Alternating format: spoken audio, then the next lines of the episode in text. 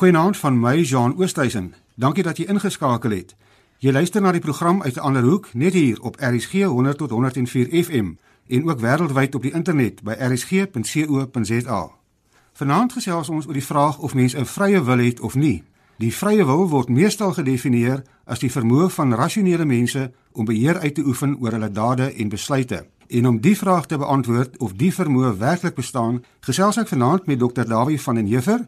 Hy is senior lektor en navorser by die biomediese ingenieurswese navorsingsgroep by die Universiteit van Stellenbosch en my ander gas saam met ons in die ateljee is Julian Blighnout. Sy is een van Dawie se nagraadse studente wat spesifiek navorsing doen oor die onderwerp van vrye wil.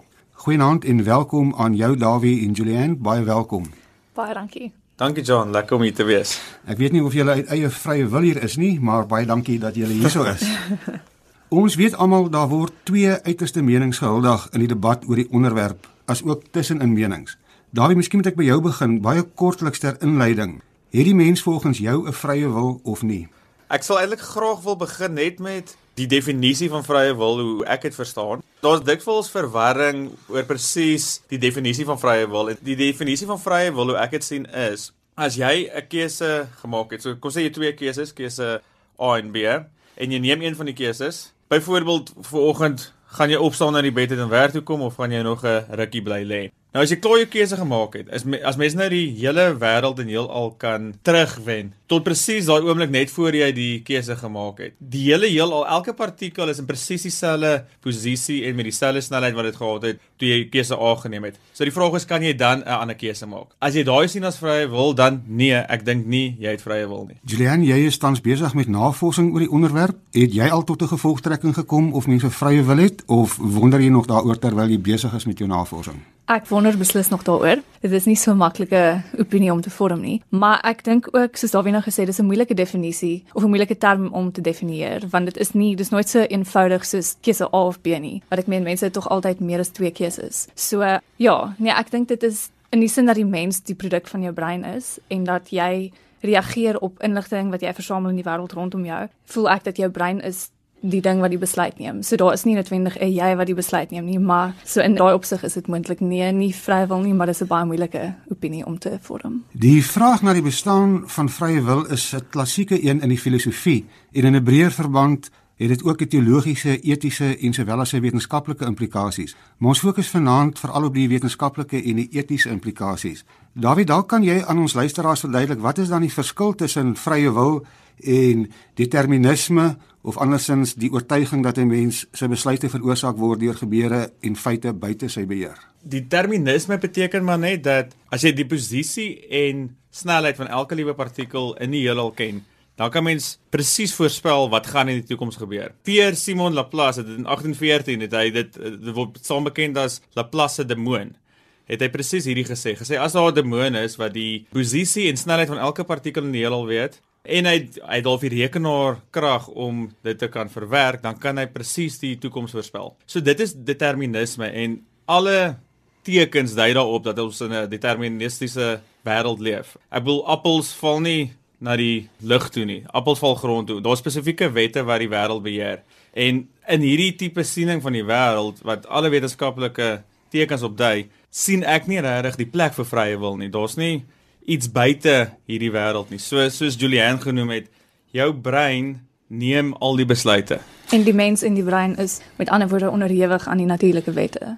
Julian is daar konsensus in die wetenskap oor die vraag of mense vrye wil het of nie of is daar baie verskillende standpunte? Dit is 'n baie baie kontroversiële onderwerp. So daar is groot name wat sê nee mense het nie en dis besliste opinies wat hulle het. En dan is daar ook groot name wat sê ja mense het natuurlik vrye wil. Want ek meen baie van die soos jy self genoem het die morele en etiese so baie van die morele en etiese kwessies berus op die feit dat mens vrye wil het.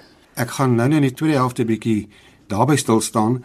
Dawie, as ek jou reg verstaan, dan gaan jy met ander woorde van die biologiese determinisme standpunt uit, die idee dat alle forme van gedrag, geloof en wil bepaal word deur ons genetiese eienskappe en nie uit vrye keuse nie. Is ek reg? Jy is reg. Ek wil net bybring nie net genetiese eienskappe nie. Jou brein vorm soos jy, weet soos jy ouer word, soos jy verskillende ondervindings het deur die lewe. Jy jy word gebore met die naby die 100 biljoen, wel biljoen uh, die Engelse biljoen en Afrikaans het 'n miljard, 100 miljard neurone in die, in die brein en hy hou aan koneksies maak. So maak koneksies soos jy ondervindings het deur die lewe. En dit is daai spesifieke koneksies. Elke neuron 100 miljard neurone, elkeen maak tussen 1000 en 10000 koneksies in die brein. En dis daai koneksies op die einde wat bepaal hoe jy wat wat ja, wat jou gedrag bepaal en hoe jy optree in verskillende situasies. En ek voel dis baie belangrik om ook uit te lig dat die die afwesigheid van vrywil is nie in teenstryding met individualiteit nie want elke brein is nog steeds anders elke brein het sy eie ervarings en ondervindinge wat hy gebruik om sy besluite mee te vorm Julian, hoe gaan jy te werk met jou navorsing? Kan jy dalk kortliks vir ons luisteraars net 'n idee gee? Ja, so my studie wat ek nou of wat ek tans mee besig is, is baseer op 'n 2017 studie wat deur Moaz et al gedoen is en hulle het basies van al hierdie al die bekende vrywil studies is aanvanklik gedoen met arbitreerde keuses of dit het arbitreerde keuses in ag geneem. So my groot probleem daarmee was so interessant soos dit is, dit het geen regte wêreld implikasie daarbey nie. So ek nou my studie probeer uitbrei en verander is om te kyk wat mense doen as hulle met doelbewuste besluite te doen het. Daar wie die mense doen en late hang met ander woorde tot 'n groot mate af van fisieke oorsake soos die funksies en die meganismes van die menslike brein. Dit is nie altyd vrywillige keuses nie. Jonie, nee, dit, dit is dit is 100% so dis wat ek sê ek kan eintlik veel meer uitbrei daarop nie. Goed gesê, John. Ons praat nie vanaand oor teologiese determinisme nie, maar dit is die hipotese wat uitgaan van die standpunt dat daar 'n God is wat alle menslike handelinge bepaal. Het sy deur voorkennis van hulle handelinge met ander woorde 'n vorm van alwetendheid of deur vooraf te besluit oor hulle handelinge. Julian, dit is glad nie deel van jou navorsing nie of sluit dit daarbey aan? Nee, ek voel dit gaan bietjie verby wat ek op hierdie stadium doen en dit is ook natuurlik 'n baie baie kontroversiële kwessie. Ek is op hierdie stadium net besig om te kyk na mense se reaksies soos ek sê op op doelbewuste besluite, maar ons hou dit buite die teologiese Ja, die vraag oor vrye wil wat hieruit ontstaan is natuurlik hoe ons handelinge ooit vry kan wees as 'n opperwese dit vooraf bepaal, maar miskien kan ons by 'n volgende geleentheid 'n teoloog of iemand daaroor bykry. Ek weet nie of jy iets daaroor wil sê nie, Dawie. Nee, ek wil eerder nie te veel daaroor praat nie. Ek kan dalk my werk verloor.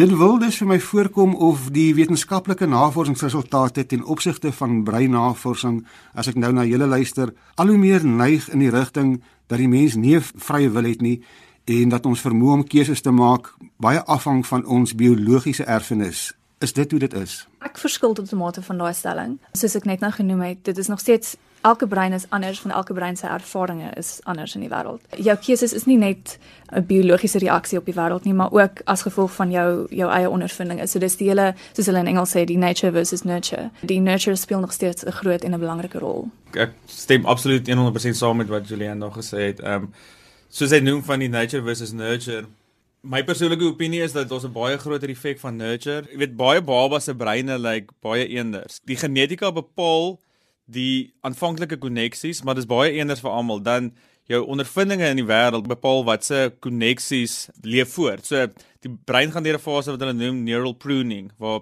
um, sinapses wat jy nie gebruik nie gaan dood en dis wat jy meestal gebruik hou aan leef en hulle word versterk. Soos jy ouer word en met al die verskillende ondervindings, half versterk jy sekere neurone en daai op die einde bepaal jou optrede en jou persoonlikheid en half alles jou emosies, alles van jou word daardeur bepaal. Maar alhoewel op die punt van persoonlikheid, ons het vroeër hierdie gesprek ook gehad, is dis ook 'n baie moeilike ding om te definieer soos die definisie van vrywil ook, want ons het daar's baie studies wat gedoen word of wat mense sien dat die persoonlikheid van 'n mens verander as gevolg van strukturele of nie ja, strukturele veranderinge in die in die menslike brein. So met ander woorde mense wat sekere traumatiese ervarings of wat 'n strukturele trauma ervaar in die brein, dan verander hulle persoonlikheid as 'n gevolg daarvan. Dit is ook iets wat nie dis nie 'n vooraf bepaalde vaste ding per persoon dat die persoon hierdie persoonlikheid gaan hê nie of vir, vir die hele lewe van die persoon dieselfde persoonlikheid ook gaan hê nie. Kan kan ek gou half ja, daarso aansluit? Veral as jy nou ook gepraat het van soos die etiese en miskien die regsimplikasies wat Juliana noem van strukturele veranderinge in die brein en hoe dit jou kan verander. Ek wil gou net twee baie bekende voorbeelde noem. Daar was in 1946 Charles Whitman in Amerika. Hy staan bekend as die Texas Tower Shooter of sniper. Hy het al uit uit die aand het hy sy ma gaan doodsteek met 'n mes, toe hy so gegaan sy vrou doodgemaak.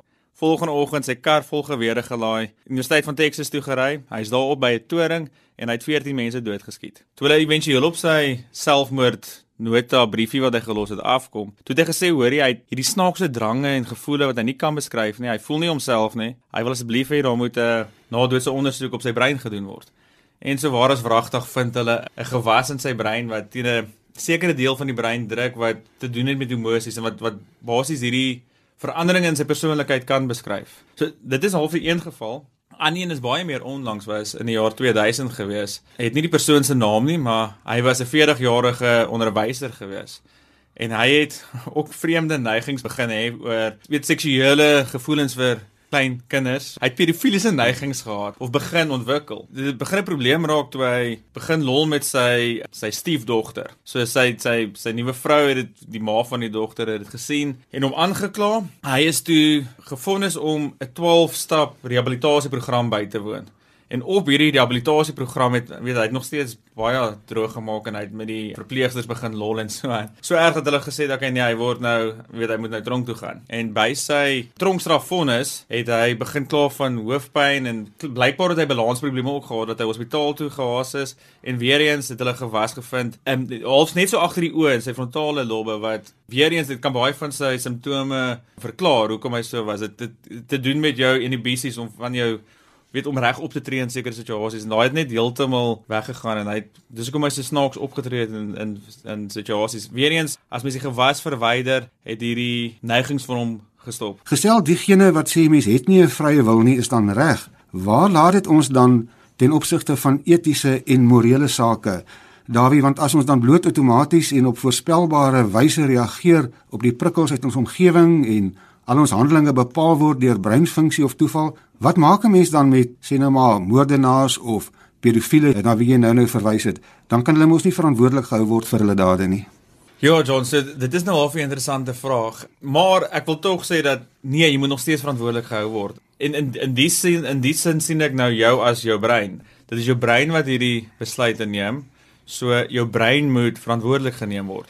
Hierdie mense wat moordenaars en pedofiele is, Hulle moet steeds al verwyder word uit die samelewing uit, so hulle moet nog steeds tronk toe gaan want sy brein is gekondisioneer om so op te tree in daai situasie. Hy's nie 'n aanwins vir die samelewing, so hy moet nog steeds weggeneem word teensy hy gerehabiliteer kan word. So as mens kan half bewys dat dit is as gevolg van 'n gewas of so iets dat hy so opgetree het en as jy die gewas verwyder dat hy genees sal wees van hierdie neigings of dit nou moord of pedofilia is, dan voel ek hy is genees en want is dit nie half die punt van om mense tronk toe te stuur nie, is om hulle te rehabiliteer, nie net om hulle weg te neem nie. So as as mens kan wys jy verander die persoon se brein en hy gaan nie meer so optree nie, dan voel ek dit is voldoende.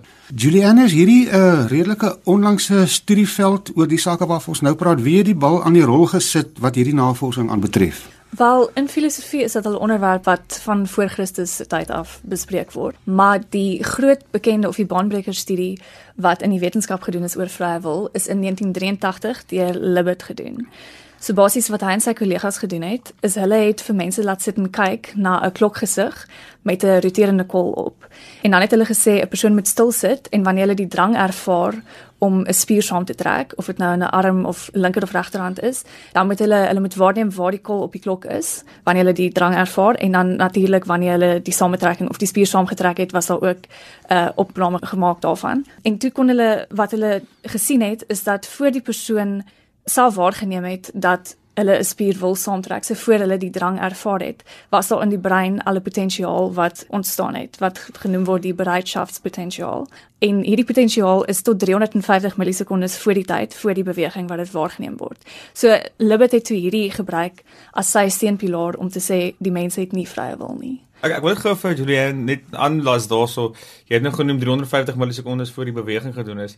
Die syne is al 350 millisekondes voor die persoon bewuslik Excuse, ja, ja, bewus ja, ja. is van hy wil die beweging maak. Ja, ja. Dis omtrent 500 millisekondes voor die ja, beweging. Ja, dis ja, my my fout daar. Sal ja.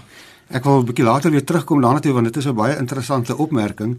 Ek het ook 'n artikel gelees van 'n Duitse filosoof, uh, Steven Cave. Ek weet nie of hy bekend is aan julle nie, maar hy kom tot die gevolgtrekking ook dat daar nie iets soos 'n vrye wil is nie, maar dan sê hy die mens is beter daaraan toe as hy glo hy het 'n vrye wil, want anders gaan dit tot chaos lei omdat niemand dan meer verantwoordelikheid sal hoef te aanvaar vir sy dade nie. Wil julle daarop kommentaar lewer? Ek dink dit is 'n baie baie goeie punt en dit is verseker waar vir alles mens die samelewing soos dit tans funksioneer wil behou.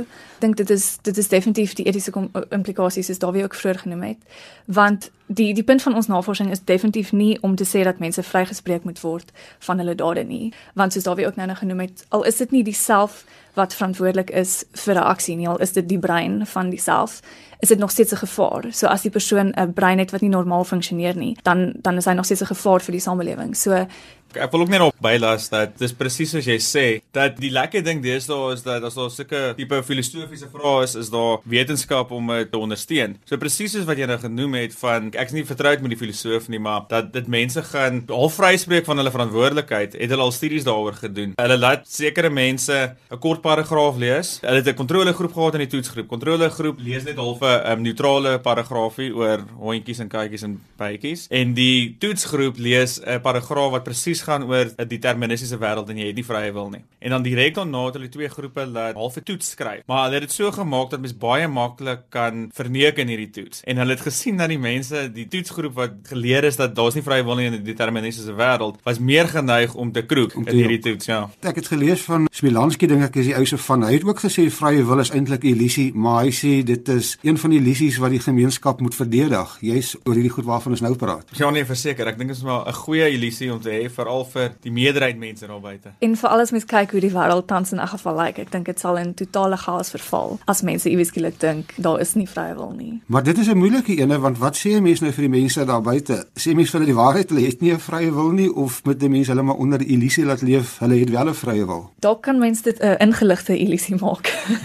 dat mense bewus is van die feit dat hulle nie dit het nie, maar ook dat dit nodig is vir die wêreld om te funksioneer soos te doen. Maar kyk, ek dink ook dit is 'n moeilike illusie om van ontslae te raak. Ek wil dit is soos 'n illusie soos wat jy na David Copperfield in 'n teater gaan kyk. Jy weet hy's besig om jou te kill, tog val jy daarvoor. So dit is moeilik om in elk geval ontslae te raak van hierdie illusie. Al my aksies, ek tel nou die glas op om 'n slukkie water te vat. Dit voel vir my asof ek dit doen en ek glo dit en al weet ek half die wetenskap daar agter is, gaan ek nog steeds voort met hierdie illusie. So dis 'n moeilike illusie om van ons laat raak en af. Maar weer eens, die voorbeeld wat jy nou gebruik is 'n baie eenvoudige voorbeeld en natuurlik is daar verrykende implikasies as mens weer teruggaan na teologie en etiese implikasies en so aan. Julian met verwysing wat jy nou nou die voorbeeld wat jy genoem het as mens so armde lig, dan lyk dit vir my die brein is eintlik maar soos enige ander orgaan en geensins anders as byvoorbeeld die hart wat op 'n sekere manier funksioneer nie en dat daar byna onwillekeurige funksie spruit uit wat die brein die impulse wat die brein stuur. Ja, nee, dit is presies wat ons sê, maar weer eens om terug te gaan na my aanvanklike punt toe,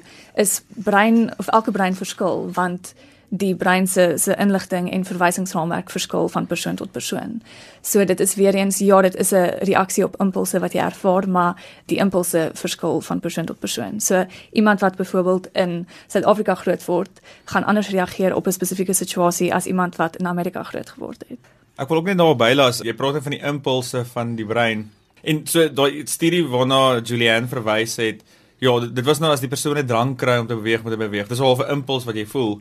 En dit is een van die grootste kritiek gewees teen daai studie en dat dit nie regtig vrye wil soos ons dit verstaan verkeerd bewys nie. En dit is presies daai tipe kwessie wat ons dan probeer aanspreek met Julianne ja. se werk om dit meer regte wêreld keuses en besluite te maak om te ja, om te, te sien of is daai selle breinaktiwiteit voor jou bewuslike keuse kan sien in ander tipe keuses en nie net in 'n beweeg jou linker of regterhand nie. Ja, so dis nou dis presies my werk. So die studie waarop my studie baseer is, maak die onderskeid tussen arbitrêre keuses wat ek voel die Libet studies se keuses onderval en dan doelbewuste keuses. So ek fokus dan nou spesifiek op doelbewuste keuses, maar ek het ook arbitrêre keuses in my studie om 'n verwantskap of 'n vergelyking te kan tref tussen die twee. Maar 'n groot ander bekende studie wat amper ontbreek in wat ek nou gesê het, is na Libet in 1983 sy aanvanklike vrye wil studie gedoen het, het Soon en 'n groep van sy wetenskaplikes het in 2008 het hulle 'n studie gedoen wat hulle die Libet studie gedupliseer het, maar hulle het dit met fMRI gedoen en nie met EEG soos die aanvanklike studie nie. So dit dit verwys net na die manier hoe die data versamel is en hoe die breinaktiwiteit opgeneem is. En wat Soon gedoen het, is hy het nie vir mense gevra want hy het ook self die die probleem begin aanspreek en gesê dit is 'n arbitrêre keuse wat Libet gedoen het om vir mense te sê hulle moet wag tot hulle 'n drang ervaar. So hy het vir mense 'n keuse gegee tussen 'n linker of 'n regter knoppie druk. En wat hulle toe gedoen het, is hulle het gesien met die fMRI data dat hulle kan met redelike sekerheid kan hulle tot 10 7 tot 10 sekondes voor die tyd voorspel of die persoon 'n linker of 'n regter knoppie gaan druk. Ek wil terugkom na na Benjamin Libet na wie jy nou verwys en daai elektriese impulse in die brein voordat jy jou hand oplig. Ek het toe gekeuse as ek nou my hand oplig om vir Dawie 'n klap te gee en ek gee vir hom 'n klap. Is dit 'n onwillekeurige aksie of is dit vrye wil keuse wat my dit laat doen? Dit is 'n baie dom keuse vir my. John. jy voel dit is 'n vrye wil keuse, maar miskien is dit net omdat onbewuslik het ek jou al so irriteer en jy jy wag eintlik al lank. Dit is 'n impuls wat jy op die einde het om my 'n klap te gee wat in jou onderbewussyn is en nou kom dit na vore. En ek sal graag met jou na hierdie wil praat en uitvind hoekom jy daai neiging het. Ja, weer eens dit is 'n dis 'n impuls wat die reaksie is op die ervarings wat jy rondom jou het. Sou daar dan iets dalk kan wees soos 'n beperkte vrye wil? Dis 'n baie interessante vraag en 'n interessante konsep. Be beperk in watter opsig? Dat sekere goeders totaal jou eie wil is en dat daar sekere opsigte dat jy wel 'n vrye wil het om te kies tussen iets wat goed is of iets wat sleg is. Ek dink dit sluit aan by wat ek aanvanklik ook gesê het oor die kompleksiteit van die keuse. Ja. Is as dit 'n eenvoudige keuse is en dit dit sluit ook eintlik aan by die onderskeid wat ons nou probeer maak tussen die oorspronklike Libet studie en die meer gevorderde studies wat nou kyk tussen na die verskil tussen doelbewuste en arbitreëre keuses. So ek voel tot 'n mate kan mens dalk sê dat arbitreëre keuses het meer van 'n vrye wil komponent terwyl meer komplekse keuses dalk nie het nie of andersom. Wait, but John skies om weer eens daarby by te las. Half presies wat jy sê, so direk na Benjamin Libet sy studie gepubliseer het, het hy natuurlik seker baie weerstand gekry van meeste van die uh, mense daar buite. Hy het op op die einde half 'n bietjie sy siening aangepas om te sê, okay, okay, miskien is daar beperkte vrye wil. So hy het gesê jou brein bepaal die aksie wat jy gaan doen, maar jy het nog vrye wil om die daai aksie wat die brein besluit het te keer. Hy het dit genoem die veto effek. So jou brein sê ek gaan my hand beweeg, maar jy binne daai 350 millisekondes kan jy nog jou keuse veto en dit nie doen nie. En so het hy probeer sê so daar is nog 'n plekkie vir vrye wil al lyk dit nie volgens die wetenskap so nie. En dit was daar daar was 'n groep wetenskaplikes wat toe na hierdie studies gedoen het oor die soos Darwin nou genoem het die veto effek. En wat hulle gevind het is daar is 'n drempel waar mense na 'n sekere punt nie meer die besluit kan veto nie, maar voor dit kan hulle nog besluit om dit te stop of te keer. Ek weet Sam Harris wat een van die wêreld se mees prominente neurowetenskaplikes is, glo ook nie daar bestaan iets soos 'n vrye wil nie, maar vir hom is dit nie 'n probleem nie. Hy dink die mens is beter daaraan toe daarsonder. Wat dit moeilik maak van mense soos Sam Harris is hulle is baie of hulle sê wat hulle dink in 'n baie oortuigende manier. So dit is maklik om te glo wat hulle sê ook. Maar ek sou nie dis definitief nie so swart-wit kwessie soos wat sommige mense dit probeer maak nie. Dis 'n baie grys area. Ja, ek is 'n groot aanhanger van van Sam Harris, so ek is geneig om met hom saam te stem. Ek ek stem saam in daai opsig en half iets wat ek ook by Sam Harris gehoor het wat ek nogal van hou is as mens nou weer net vinnig teruggaan na die etiese en um, regsimplikasies. Hy gebruik hier voorbeelde sê as die brein is so is, soos ons nou gesê het, vry wil is illusie en so dit alles is hang van die brein af. Dan is goedheid en boosheid is is ook net deel van die brein. Gestel mens kan in die toekoms 'n pil drink om boosheid weg te neem. Het sal dit nie net wonderlik wees nie. Die tyd is verstreke en ons moet afsluit. Wat vir my interessant is en miskien kan julle elkeen net 'n laaste woord daaroor of iets in die algemeen sê is ek lees die aantal hofsaake waar neurowetenskaplikes getuig het oor die oortreder se optrede wat as gevolg van breinfunksies plaasgevind het